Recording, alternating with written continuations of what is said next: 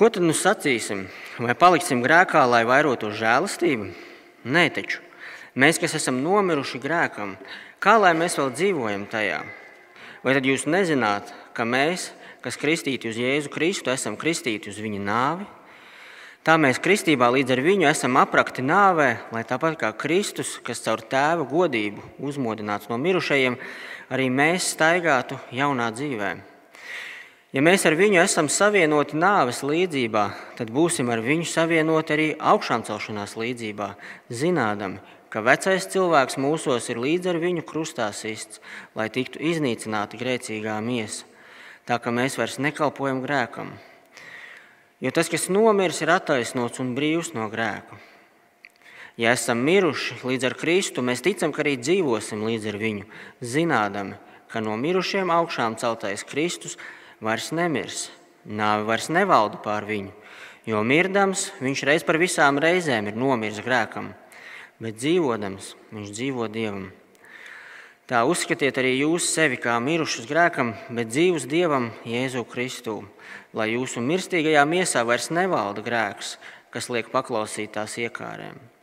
Neatdodiet savus locekļus grēkam par netaisnības ieročiem, bet nododiet sevi Dievam kā tādus, kas no mirušiem darīti dzīvi, un savus locekļus dodiet par taisnības ieročiem Dievam.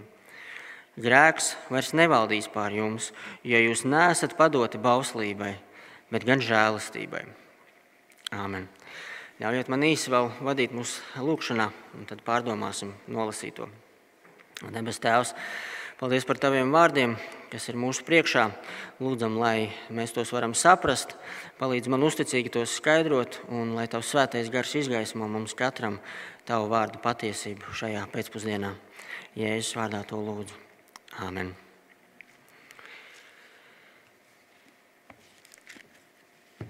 Kas tu esi? Kā tu atbildētu uz tādu jautājumu? Iedomājies, ka tevi intervē televīzija vai, vai kas, un, un lūdzu iepazīstināt ar sevi. Un uzdot šo, tev šo jautājumu, kas tu esi, kā tu atbildētu.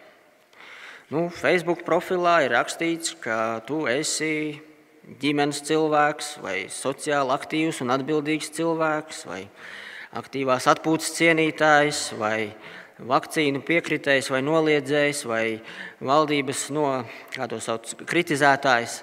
Um, Instagram bildes liecina, ka tu, tev patīk pavadīt laiku ar ģimeni, ceļot, dziedāt, skaistas pastaigas dabā, garas noietas distances un tā tālāk. Savukārt LinkedIn tavs profils stāsta visas tavas profesionālās prasmes, iemaņas, sasniegumus un pieredzes. Kas tu esi? Ko uz šo jautājumu atbildētu tava ģimene? Brāļi, māsas, vecāki, bērni, laulātais draugs.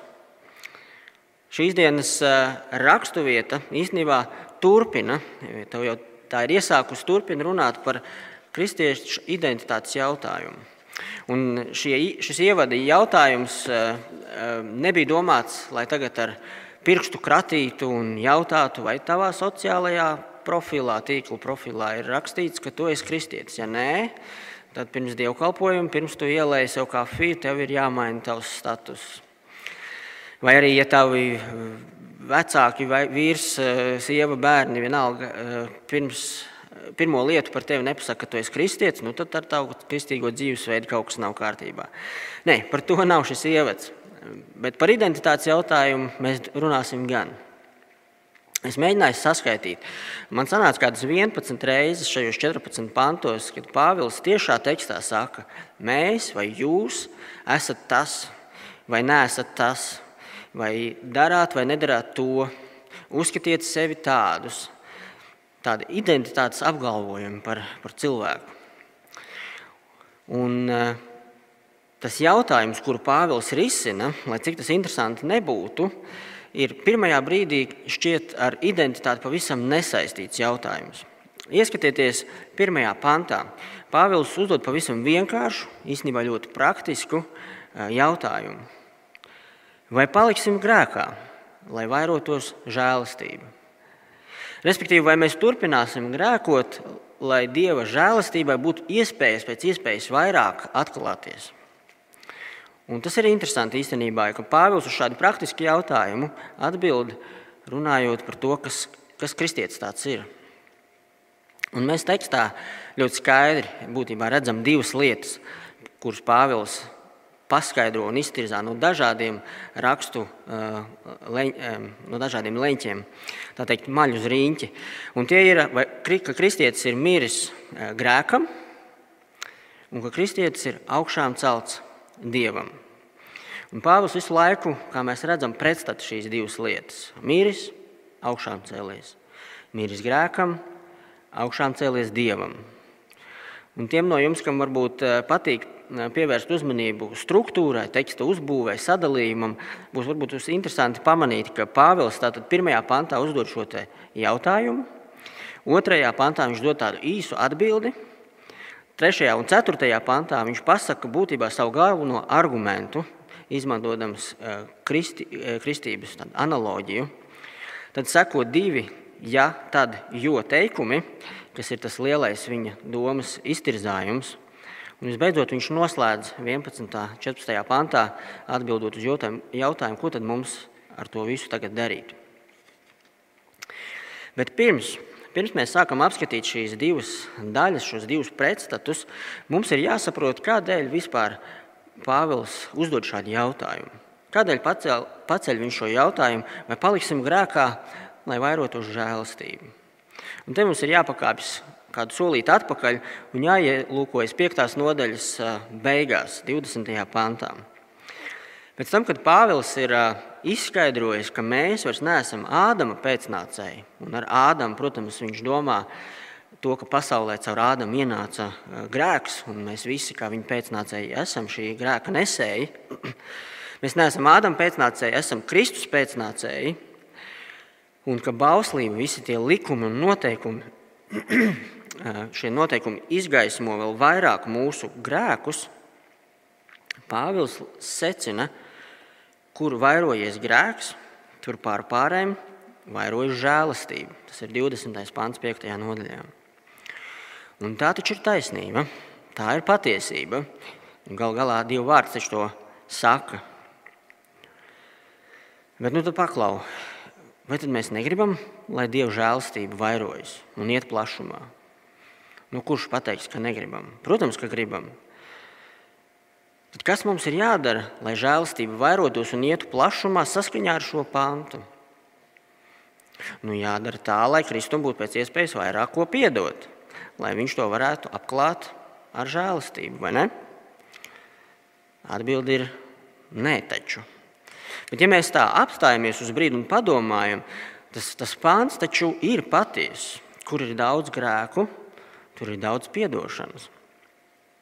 Jēzus atbildot farizējam Sīmanim, kad pie viņiem tur viesojās kāda sieviete, kura ir nosaukta par lielu grēcinieci, viņa ar asarām slacīja Jēzus kājas, ar saviem matiem tās slaucīja un ar dārgu eļu iezieda Jēzus kājas.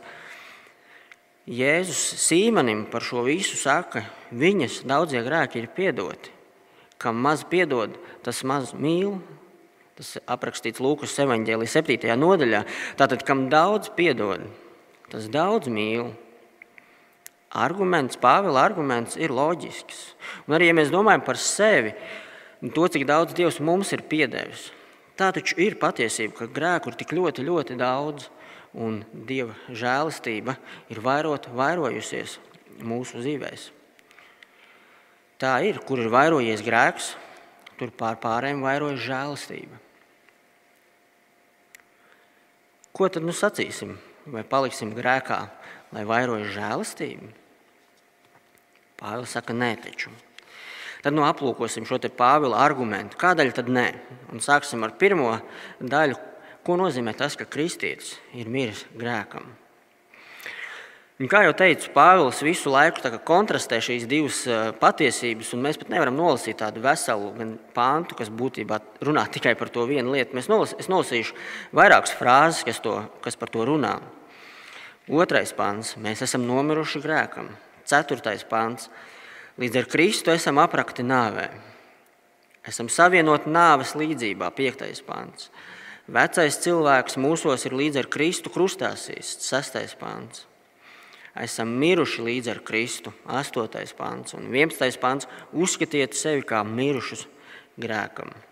Šī ideja atkārtojas atkal un atkal. Un, uh, Vienkāršības pēc mēs vairāk pavadīsim laika tieši tajā 3. un 4. pantā, jo tur ir tā esence, lai saprastu visu pārējo. Un mēs ņemsim uh, citus pāntus palīdzīgā, lai tie mums vēl vairāk izgaismo šo domu. Tātad 3. un 4. 4. pānta sākums ieskatieties. Vai tad jūs nezināt, ka mēs, kas kristīti uz Jēzu Kristu, esam kristīti uz viņa nāvi? Tā mēs kristībā līdz ar viņu esam aprakti nāvēm. Nu šeit daudzi Bībeles skolotāji, teologi eh, spriež, diskutē un nav viensprāts, vai šeit runa ir burtiski par kristībām, tām, kuras mēs redzam draudzē, ar, kur ar ūdeni apslaka vai pagremdē nu, jauno, jauno ticīgo, vai tā ir garīgā kristība, jo ne jau visi kristieši vienu vai citu iemeslu dēļ tiek nokristīti fiziski. Vai tā vispār strādā tikai kā tāda ilustrācija, līdzība, vai varbūt visi trīs kopā? es atvainojos. Bet, eh, bet tam pat nav izšķirošas nozīmes šeit. Jo tas, ko Pāvils pasakā, ir skaidrs. Tie, kas ir kristieši, tie ir saistīti ar Kristu viņa nāvē un viņa augšām celšanās notikumā. Kā pagājušajā svētdienā mēs eh, lasījām, caur viena cilvēka taisnību, proti, Kristus taisnību, visiem cilvēkiem nākusi attaisnošana, kas ved dzīvībā. Mēs, kas kristīti uz Jēzu, vai citiem vārdiem, vai kas esam kristīti Jēzus Kristus vārdā, esam kristīti uz viņa nāvi. Nu, kā tad darbojas kristība? Kristība ir neredzamās patiesības, redzama tāda izpausme. Um, kristības notikumā, nu, pirmā gadsimtā tā visticamāk, uz ko Pāvils atsaucas, ir pagrēmnes kristība. Um, cilvēks tika pagremdēts zem ūdens pilnībā, un tas simbolizē šo nāvi, to aiziešanu zem zemes, zemes līmeņa. Ja? Un tad pēc mirkļa, cerams, pēc īsa mirkļa, citādāk tas var arī kļūt ne tikai par garīgo realitāti, ir augšām celšanās augšām celšanās jaunajai dzīvei. Ko tas nozīmē? Ko tas nozīmē, ka mēs esam līdz ar Kristu kristīti uz viņa nāvi? Un te mums jā, jāatkāpjas atkal nedaudz atpakaļ, nedaudz vairāk kā, kā līdz piektai nodaļai. Pirmajā mūzes grāmatā mēs lasām, otrās nodaļas 17. pantā.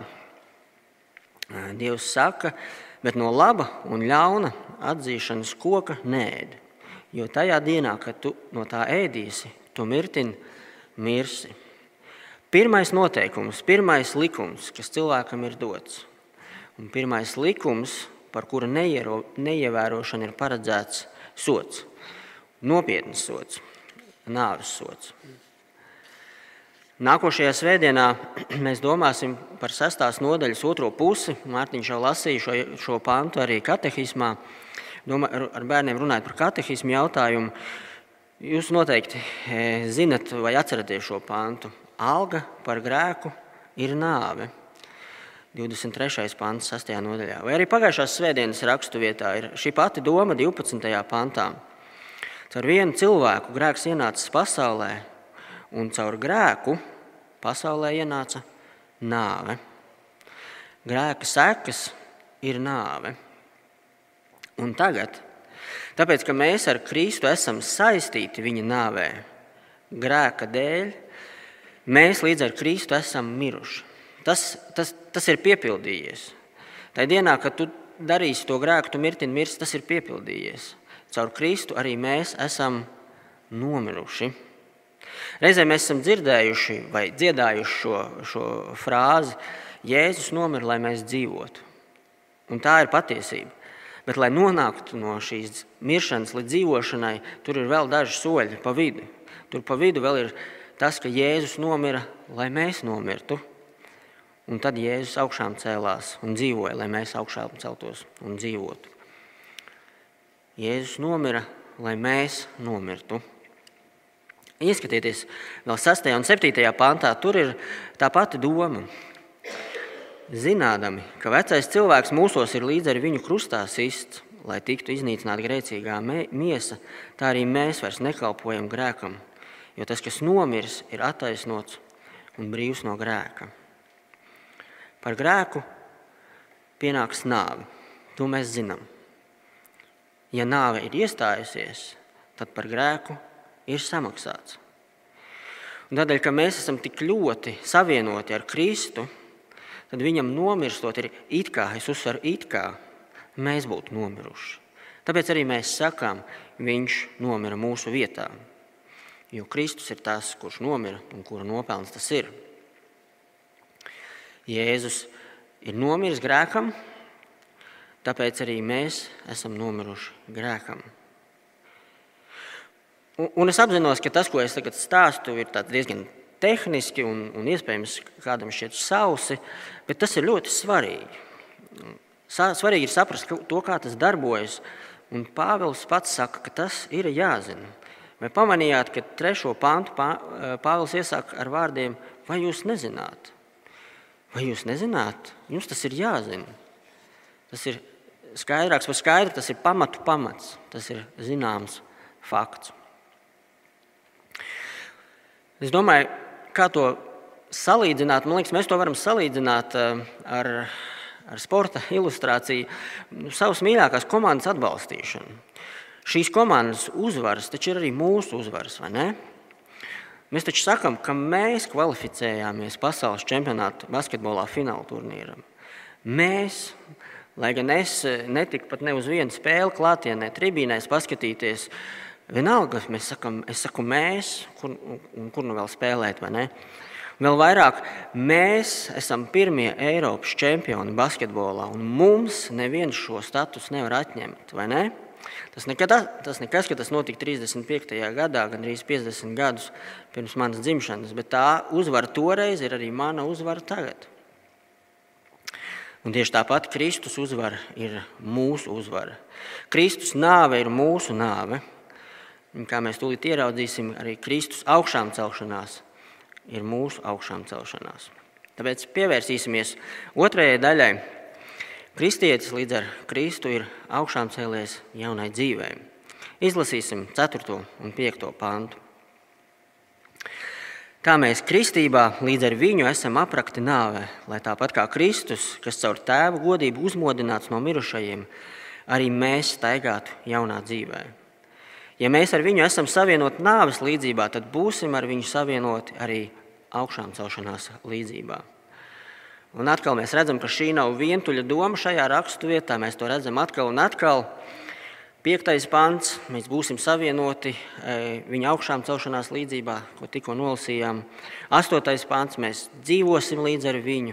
Vienpadsmitais pants, uzskatiet sevi dzīvus Dievam Jēzu Kristu. 13. pants, nododiet sevi kā tādus, kas darīti dzīvi. Un, protams, princips arī tas pats mēs esam savienoti ar Kristu tik cieši, ka gluži kā Viņš, arī mēs tiksim augšām celti. Bet ko tad nozīmē šī augšām celšanās? Ieskatīsimies 9. un 10. pantā. Zinādami, ka no mirušajiem augšām celtais Kristus vairs nemirs, nāve vairs nevalda pār viņu, jo mirdams viņš reiz par visām reizēm ir nomiris grēkam, bet dzīvodams viņš dzīvo Dievam. Nu, pirmkārt, mēs ieraugām, ka tas nozīmē, ka mēs, tāpat kā Kristus, vairs nemirsim. No mirušiem augšām celtais Kristus vairs nemirs. 9. pāns. Jēzus vairs nemirs, jo viņš jau vienreiz ir nomiris un viņš ir augšām cēlies. Un tāpat arī mēs. Otrakārt, nāve vairs nevalda pār viņu. Tāpat kā Tāpat pēc augšām celšanās nāvei vairs eh, nebūs varas pār mums. Nāve ir radīta. Nezinu, kā lai to nosauc, radīta tāda institūcija, Nē, bet, bet tā ir nepieciešama, lai tur nonāktu grēcinieki. Un nāvei, nāve vairs nav vajadzīga, jo grēka vairs nav. Grēkam ir nomirts. Tāpēc nāve vairs nevalda pār Jēzu. Tāpat arī Tā nevalda pār mums, nevaldīs pār mums. Un treškārt, Jēzus, Jēzus dzīvo Dievam. Desmitais pāns - mirdams viņš nomirs grēkam, bet dzīvodams viņš dzīvo Dievam. Tāpat kā Kristus dzīvodams dzīvo Dievam, tā arī mums ir dota jaunā dzīve. Ieskatieties vēlreiz 4. pantā. Tā mēs kristībā līdz ar viņu esam aprakt nāvē, lai tāpat kā Kristus, caur te, eh, kas caur tēva godību uzmodināts no mirušajiem, arī mēs staigātu jaunā dzīvē. Un mums ir jāsaprot, ka tad, kad Bībele lieto šos izteicienus, miris grēkam, jauna dzīve. Tie nav tādi skaisti, eh, poētiski izteicieni, literārās izteiksmes eh, līdzekļi, lai, lai ilustrētu mm, to domu, vai, vai tā būtu labāk saprotama. Nē, tā, tā tiešām ir realitāte. Tā tiešām ir notikusi realitāte. Kristietis ir pavisam jauns radījums. Kristieša jaunā dzīve tas nav restarts, nu, mēģini vēlreiz, vai nu, skaitīsim atkal no nulles. Nē, tas, ja tas palīdz saprast pēc, pēc substances, bet garīgā ziņā, pilnīgi cits radījums. Mārtiņš pagājušajā nedēļā sacīja, ir nomainīts DNS. Bībele saka, ka kristietim ir dota cita sirds. Akmens sirds ir nomainīta pret miesas sirdi.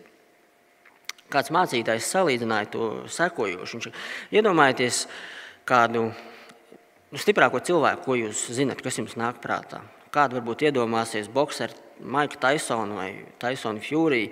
Es nezinu, latviešiem varbūt prātā nāk uh, Raimons Bergmans savu sportista ziedu laikos. Nav svarīgi. Stiprākais cilvēks, ko jūs varat iedomāties un iedomājieties šī cilvēka statuju. Es varu pieiet pie, pie šīs statujas iekniept viņam, iespert viņam, iepļaukāt viņu. Balodas uzsēdīsies uz viņu, un jūs paši saprotat, ko viņš tur darīs. Un viņš nejutīs neko. Es droši vien jutīšu. Un, un pašvaldības policija arī liks man kaut ko just, bet, bet viņš nejutīs neko. Tādēļ, ka tā statuja, lai cik tā liela būtu, lai cik stipru cilvēku tā atjaunot, attainot, tā ir nedzīva. Tā nevar reaģēt ne uz kādu Eh, kairinājumu vai, vai stimulējumu. Tā ir nedzīva. Un tieši tāda ir neticīga cilvēka sirds. Tā nespēja reaģēt uz garīgiem stimulējumiem. Tā ir nedzīva. Ja vien, ja vien tās vietā netiek ielikta miesas sirds. Ļoti radikāli atšķirīgs uh, radījums. Pilnīgi citādāks ir kristietis. Pilnīgi cits radījums. Cilvēka kļūšana par kristieti, mēs to saucam dažādos veidos, atgriešanās, jaunpiedzimšana, piedzimšana no augšas un, un vēl citos veidos. Tas ir pārdabisks dieva darbs. Un tāpēc, ka tas ir pārdabisks dieva darbs, tas maina cilvēka dabu. Pilnīgi cits radījums. Bet, bet kā gan tas viss, ko tu tagad mums stāsti, Andrej, palīdz mums saprast, um, kā mums nepalikt grēkā, lai vairotu žēlastību. Nu, labi. Tāpat kā Kristus miris, tāpat kā Kristus augšām cēlies. Bet kāds atbild uz šo jautājumu? Un atbilde ir tajā, ar ko mēs iesākām. Ruden, runa ir par identitāti un, un identitātes maiņu. Kāds to salīdzināja um, sekojoši? Viņš salīdzināja ar, ar cūku. Dzīvnieku, kurš eh, ar prieku iet vārtīties dubļos, labprāt ēda puspūšus produktus, samazgas, eh, vēmekļus un ko tik vēl nē. Un iedomājieties, ka kaut kādā pārdabiskā veidā tieši maltītes vidū šī cūka kļūst par cilvēku. Šis cilvēks paskatās apkārt, un tas viss viņam šķiet pretīgs, pretdabisks nepieņemams. Šis cilvēks teica, nu, es tikko ap, ap, aprakstīju tavu atgriešanās stāstu. Pūvekļi, samazgas, vēmekļi nav cilvēkam iedomājami uzturā, vai ne? Tā ir pilnīga identitātes maiņa. Vēl to varētu salīdzināt ar, ar magnētu, kuram ir nomainīta polaritāte. Mēs zinām, pretpolu pievelkas. Kas notiek, kad magnētam tiek nomainīta polaritāte? Pēkšņi viss tas, kas visu laiku pievilka, vairs nepievelk, bet tas atgrūžas. Kā katru piekdienu draugu aicina un saka, nāc, brauksim uz nakts klubu. Un vienmēr to ar prieku es atbildēju, būšu vai esmu jau tur. Nu, tiek nomainīta polaritāte. Nē, es negribu. Kāpēc? Priekš kam? Man tas nav vajadzīgs kāds tukšums, es neiešu. Vai paliksim grēkā, lai vairojas žēlastība? Nē, tas vairs nav iespējams. Tās ir nesavienojamas lietas, jo pati būtība, jo identitāte ir mainīta. Un līdz ar to tādēļ, ka identitāte ir mainīta, tev ir dota jauna dzīve, dzīvo to dievam. Bet atkal, ko tas nozīmē? Nu, pirmkārt, Pirmkārt, zini un atceries to. Ielūkojieties 11. pāntā. Tā uzskatiet arī jūs sevi kā mirušus grēkam, bet dzīvus Dievam, Jēzu Kristu. Es jau sākumā ieminējos, runājot par trešo pāntu, ka Pāvils saka, retoriski jautā, vai tad jūs nezināt? Sestais pāns saka, zinādami, ka vecais cilvēks ir krustā sists. 9. pants, zinādami, ka Kristus vairs nemirs. Ziniet, tas ir fakts, tā ir. Un šī zināšana nozīmē drošību un pārliecību. Tu vari būt drošs, un tādēļ esi drošs un pārliecināts, ka tas, kas ir rakstīts šeit, tā ir patiesība arī par tevi. Ja tu esi kristīts, tu esi jauns radījums. Bet kā es varu zināt, ka es esmu kristietis, ka es esmu īsts kristietis? Mana dzīve par to neliecina. Es turpinu grēkot. Es netieku galā ar to lietu, ar šo lietu. Pierādījums tam, ka tu reiz esi nožēlojis grēkus, ir tas, ka tu joprojām nožēlo grēkus. Pierādījums tam, ka tu reiz sāki ticēt evaņģēliem, ir tas, ka tu joprojām tici evaņģēliem. Pierādījums tam, ka tu reizi novērsies no grēka, ir tas, ka tu joprojām centies un novērsies no grēka. Jo tas, kas labo darbu pie tevis ir iesācis, novedīs to līdz galam. Un pasaule, un sātans caur pasauli tev teiks, ka tu esi tieši tāds pats kā visi pārējie. Tāda pati miesa, tādas pašas asinis. Viņi neredz un nespēja redzēt, ka tu esi no jauna dzimis Viņiem tu vien esi muļķis, kas seko kaut kādam ebreju rēgam no nāceretes. Sātans centīsies izšaubīt. Tāpēc zini, zini un esi drošs. Otrakārt, tas nozīmē būt nežēlīgam, būt nežēlīgam pret grēku. 12. pāns. Lai jūsu mirstīgajā miesā vairs nevalda grēks, kas liek paklausīt tās iekārēm. Kā tad ir? Ja reiz mēs esam miruši grēkam, tad kādēļ mēs grēkojam? Tas ir tādēļ, ka miesa joprojām ir mirstīga. Sirds ir nomainīta, bet miesa vēl nav. Un šī vecā mirstīgā miesa ir pilna ar visādām iekārēm. Tādēļ esi nežēlīgs pret grēku. Neļauj tam plēsties un valdīt sevī. Mēs tā parasti uzmanīgi otram sakam, kas ir jādara, kas nav jādara kā kristietim. Ir kādi, kas eh, saka, piemēram, kristietim nedrīkst būt mājās televizors. Piemēram. Kādiem iespējams tiešām tas nenāk par labu, kādiem tas netraucē. Bet katrs pats sev ir aicināts izvērtēt, kas viņam dara, nedara, ir jādara, nav jādara. Varbūt kāds tiešām jūt pamudinājumu, ka uh, savos sociālajos tīklos ir jāieraksta, ka es esmu kristietis. Bet kāds varbūt saprot, ka viņam galīgi nevajag lietot sociālos tīklus. Tas nepalīdz viņu kristiešu gājumā. Šonadēļ, šonadēļ mūsu ģimenē vecākais brālis pamācīja vidējo brāli un teica, es neņemu naudu uz skolu, lai man nebūtu kārdinājums to iztērēt. Tas man ļoti gudrs padoms. Nedot grēkam ne mazāko durvju šķirbiņu, pa kurien ielīst. Es esmu nežēlīgs pret to. Un to es atgādinu nemazāk attiecinādams arī uz sevi. Un treškārt, treškārt nodod savus locekļus Dievam. 13. pāns. Neatdodiet savus locekļus grēkam par netaisnības ieročiem, bet nododiet sevi Dievam kā tādus, kas no mirušiem darīti dzīvi, un savus locekļus dodiet par taisnības ieročiem Dievam. Vislabākā aizsardzība ir uzbrukums, tā vismaz saka. Mūsu meitai bieži vien vakaros ir slikti sapņi. Viņa mēģina iemigt, viņa saka, man ir slikti sapņi. Es viņai saku, nu, nu nedomā par to. Viņa saka, es cenšos.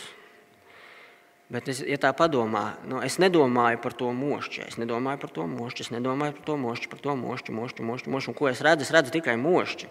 Tas nestrādā. Ir jādomā par kaut ko citu. Un tāpat arī, ja mēs domājam, es nedrīkstu grēkot, es nedrīkstu grēkot, nedrīkstu grēkot, grēkot, grēkot, grēks, grēks. Visu laiku man ir priekšā grēks.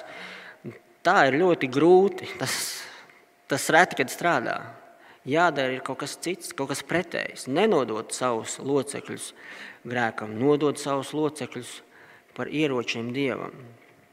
Un mēs varam domāt pavisam burtiski un praktiski par dažādām ķermeņa daļām, piemēram, pirksti. Kādus ēpastus, WhatsApp ziņas, īsiņas, rīt, ne, parīt darbā, vai varbūt um, šovakar jau kādam citiem uh, ģimenei, vai kā mana pirksta rakstīs. Kāds būs tas tonis tajos? Ko un galvenais, kā es pateikšu? Kad mani pirksti sniegsies pēc maka, paņems bankas karti vai banknoti, kādam mērķim tie to naudu dos. Vai tas pagodinās Dievu? Kājas, uz kurieni manas kājas mani aiznesīs? Uz kuru veikalu? Uz kuru ailu veikalā? Vai brīvajā brīdī darbā. Tas nemanot mani, tās mani aiznesīs kolēģi kabinetā, kur atkal būs aprunāšana vai kaut kādi nejaukie jociņi. Vai varbūt Bībeles studijas laikā manas kājas man aiznesīs, nezinu, kāpēc uz dīvānu un pirksti paņems TV pulti. Mute. Mute ļoti spēcīgs ierocis. Tā var kalpot Dieva slavēšanai, Tā var kalpot otru noniecināšanai un pazemošanai. Tā var kalpot evaņģēlīju pasludināšanai, var kalpot melošanai. Mēs zinām, kas ir melu tēvs un kurš priecājas par meliem. Nododiet savus locekļus par taisnības ieročiem Dievam, nevis grēkam par netaisnības ieročiem. Tad, kad ar Dievu palīdzību mums tas izdodas, mēs vairojam Dieva godu. Tāpēc, lai Dievs palīdz mums ar vien pieauguši nodot, nodot savus locekļus par taisnības ieročiem Dievam. Āmen. Lūksim. Dargais debesu Tēvs, mēs Tev pateicamies, ka Tu esi mūs pārradījis par jauniem radījumiem, jaunai dzīvēi. Tu esi nomainījis mūsu DNS, tu esi nomainījis polaritāti mūsu sirds magnētam. Tādēļ lūdzam, lai mēs ar vien vairāk atpazītu grēku un nekavējoties atsacītos no tā. Neizietu kompromisos ar to, bet censtos nogriezt to saknē. Tēvs, mums ir žēl, ka tik bieži mēs vienalga klūpam grēkā, bet mūsu paļāvība ir tajā, ka mēs esam cieši, cieši savienoti ar tevi. Ar tevi, Jēzu, un ka mēs dzīvosim, un ka kādu dienu arī pilnībā augšām celsimies. Pilnīgi un galīgi jaunai dzīvei kopā ar tevi. Tādēļ lūdzam, līdz tas notiek, uzturam mūs savā žēlstībā. Jēzus vanajā vārdā to lūdzam. Āmen!